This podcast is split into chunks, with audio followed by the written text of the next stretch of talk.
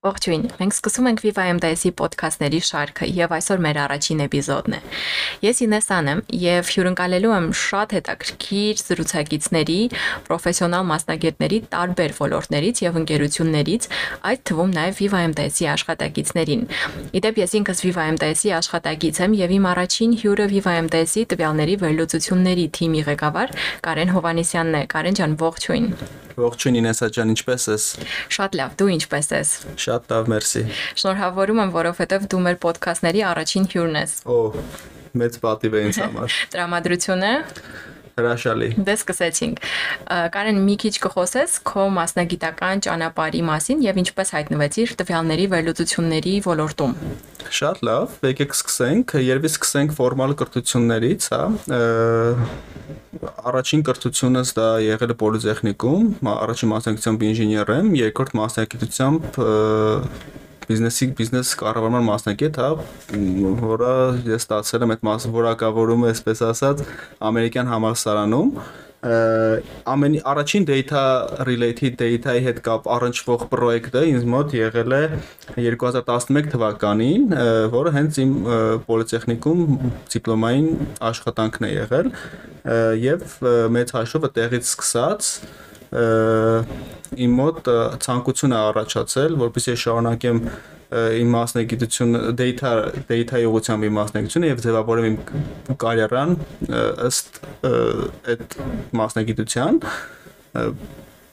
ասեմ ավելին իրականում հենց առաջին պրոյեկտն էլ է շատ հետաքրքիր ինքը իրական պրոյեկտ էր հայ դիպլոմային աշխատանքը եւ իր նպատակն էր կանխա տեսող մոդելների միջոցով հայտնաբերել այն ատոմակայանի այն կոմպոնենտները, որոնք հակված են փչանալու եւ առաջարկել համապատասխան լուծումներ կամ կանխարգելիչ միջոցառումներ այդ երկուսը համադրելով բավական հետաքրքիր պրոյեկտ ստացվեց ու ինչպես ասեցի դրանից հետո սկսվեց իմ հետաքրքրասիրությունը դեպի տվյալները եւ փորձեցի ել ավելի շատ խորանալ մասնագիտության մեջ, որը այդ ժամանակ բավականին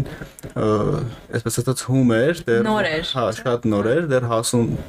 միջև հիմա դեռ հասունանում է այդ մասնագիտությունը։ Հուսով ենք ինչ-որ մի քանի տարի հետո արդեն մենք կարող ենք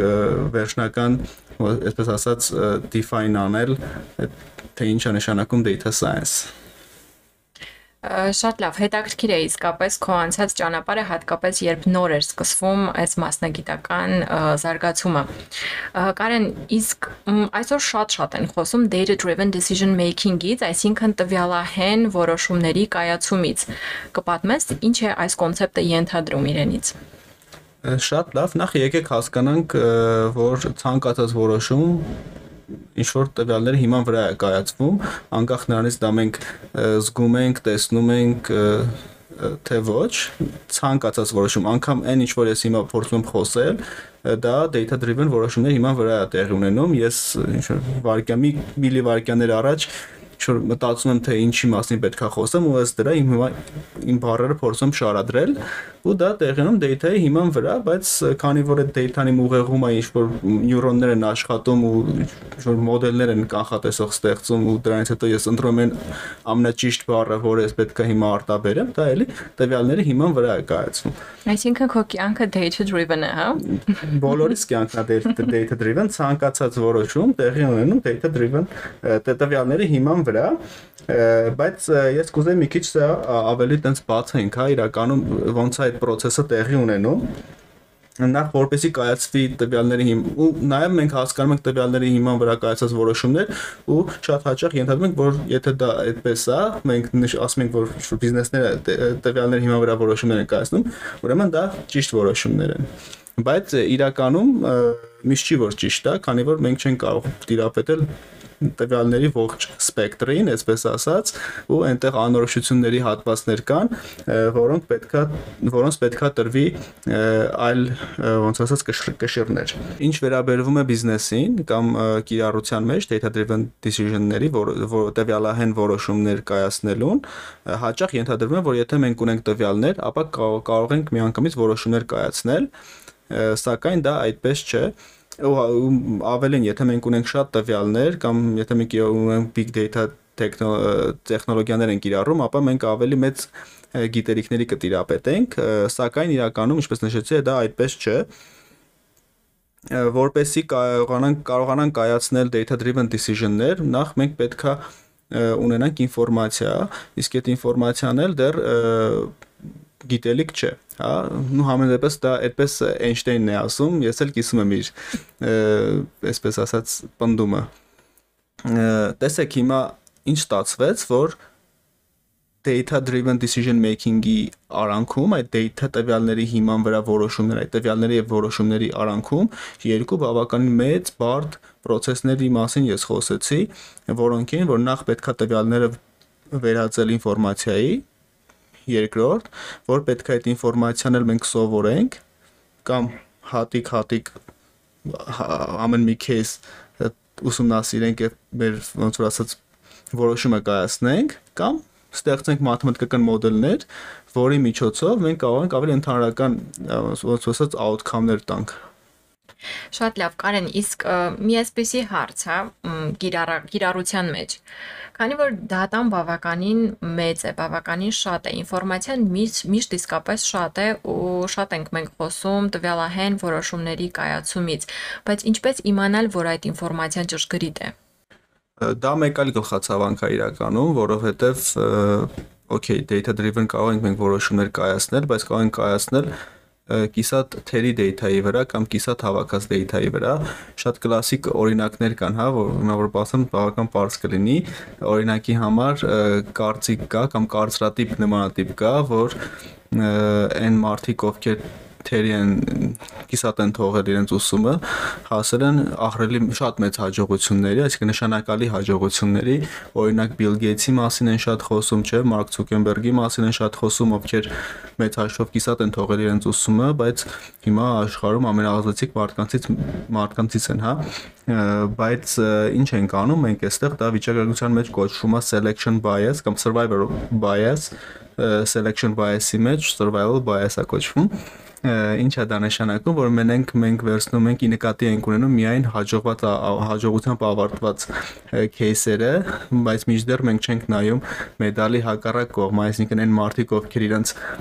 ուսումը կիսատ են թողել, ինչերի են հասել, հա, ու նմատի մարդիկ բավական շատ կլինեն, կարծում եմ ու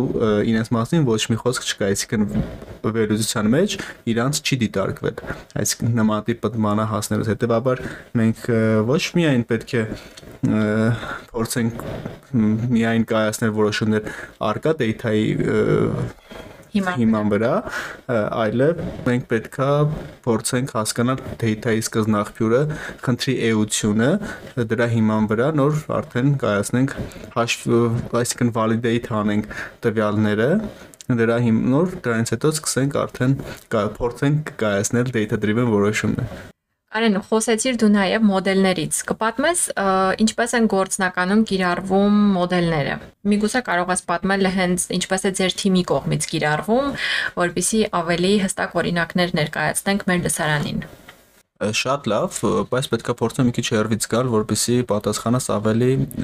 ընդհանրական լինի։ Նախ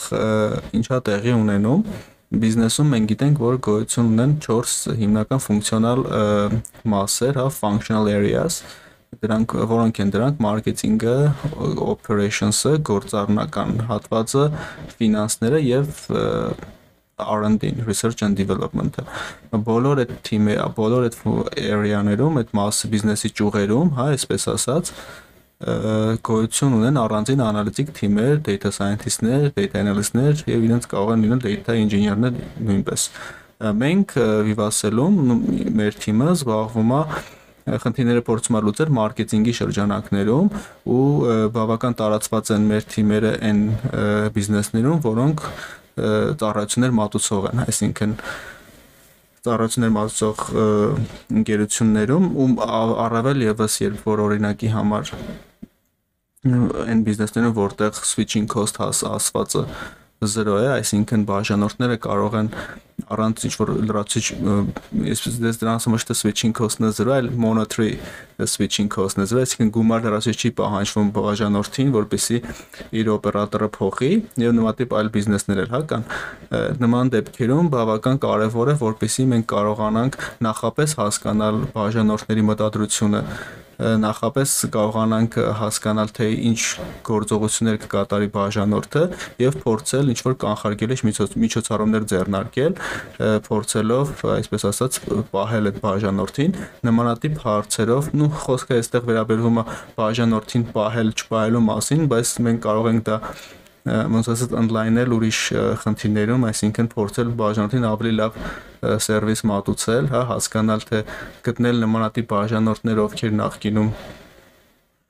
ունեցել են նմանատիպ խնդիրներ, հետո փոխել են իրենց ծառայությունները, հասկանալ այդ մարդկանց նմանությունները եւ այդ գիտելիքի հիման վրա փորձել առաջարկել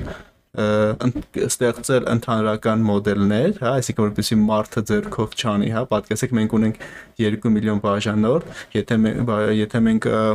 հատ փորձենք գնալ ամեն մի բաժանորդի պահանջմունքը գտնելով, հա, ձեռքով ունենալով տվյալները, դա կտևի ինչքան ժամանակ։ Դե անհնարին բարդ եւ ինձ թվում է անիմաստ ինչ որ process է իրանից ենթադրում։ Դրա համար ընդհանրական մեխանիկական ուսուցման ընդհանրական ալգորիթմներ են կիրառում, որի միջոցով մենք փորձում ենք ռեյտինգավորել, սեգմենտավորել բաժանորդներին, որպեսզի կարողանանք իրենց մատուցել այն սերվիսները, որոնք իրենք իրականում որոնց կարիքի իրենք իրականում զգում են։ Ու համենայնպես մենք փորձում ենք դա անել։ Շատ լավ, Կարեն, իսկ ինչպիսին է ձեր թիմը։ Ինչպես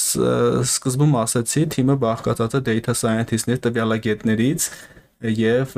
data analyst-ներից, տվյալների վերլուծաբաններից թիմը հիմնականում ինչպես ասացի զբաղվում են բաժանորդների թիմի թիմի հիմնական ոնց որ ասած նպատակն է մեր բաժանորդներին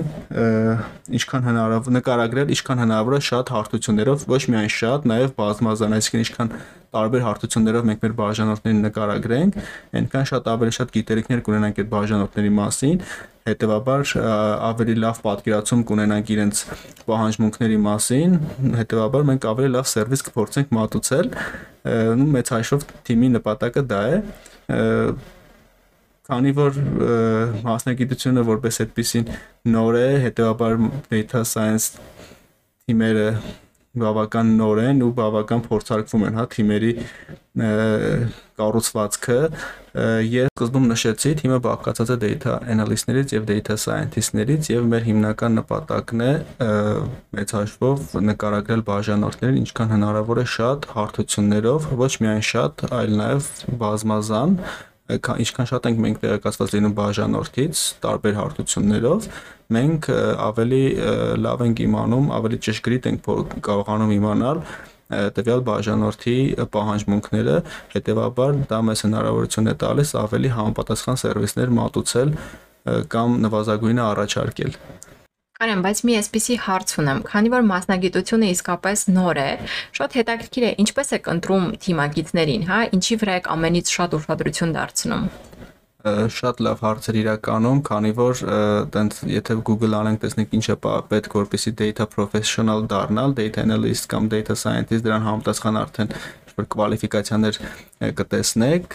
բնականաբար մենք բնականաբար փորձում ենք ընտրել առաջին հերթին այնպես որպեսի թիմը լինի այսպես ասած կոմպակտ, այսինքն թիմի բոլոր անդամները կփորձեն իրար փոխլրացնել, ոչ թե ունենան լրիվ նույն ոնց ասած skill set-ը, դրա համար ինչ ենք անում, այսինքն կան մարդիկ, ովքեր լավ դիապետոն մաթեմատիկայի, կան մարդիկ, ովքեր լավ դիապետոն ծրագրավորման լեզուների, կան մարդիկ, ով ավելի շատ բիզնես օրիենտիդ են, բայց տեխնիկական մի քիչ ավելի գիտելիքներով, հա բիզնես ուղղվածության ավելի ճիշտ բայց կա մի skill, որը մենք փորձում ենք ուշադրություն դարձնել բոլոր թիմի անդամների ու թիմ նոր թիմի անդամ ընտրելիս, դա curiosity-ն է, հայերեն դա կլինի հետաքրքրասիրությունը, հա, երևի դա հետաքրքրասիրությունն է, որովհետև ըստ մեզ հետա առանց հետաքրքրասիրության, առանց խնդիրները հայտնաբերելու ունակության հնարավոր չէ հաջողել data science-ի տվյալների ոլորտում, հա, այսպես ասած, ընդհանրացած եթե ասենք data professional դառնալու համար առանց curiosity կարծում եմ, եթե հաջողվի էլ շատ ծանր կլինի հետեւաբար մեր համար մենք փորձում ենք ամենամեծ ուշադրությունը դարձնել դրան մնացած գիտելիքները տեխնիկական հաշվի առնելով այժմյան տեխնոլոգիաները մենք կարողանում ենք հեշտությամբ սովորեցնել Կարեն, շնորհակալ եմ, շատ հետաքրքիր զրույց էր եւ ես իրականում կարծում եմ, որ սա այն թեման է, այն մասնագիտությունն է, որի մասին անընդհատ կարելի է խոսել ու նորանոր բացահայտումներ անել։ Այնպես որ շատ շնորհակալություն քո ժամանակի համար եւ կրկին անգամ շնորհավոր, որ դու արեցիր մեր ոդքասթների բացումը։ Ես եմ քեզ շնորհակալ նման պատվին ինձ արժանացնելու համար Ինեսա ջան ու մաղթում եմ հաջողություն ապագա հյուրերին։ Շատ շնորհակալ եմ։ Իսկ մենք կհանդիպենք մեր ոդկասթների երկրորդ էպիզոդում, սպասվելու է շատ հետաքրքիր զրույց, այնպես որ բաց չթողնեք։ Հաջողություն։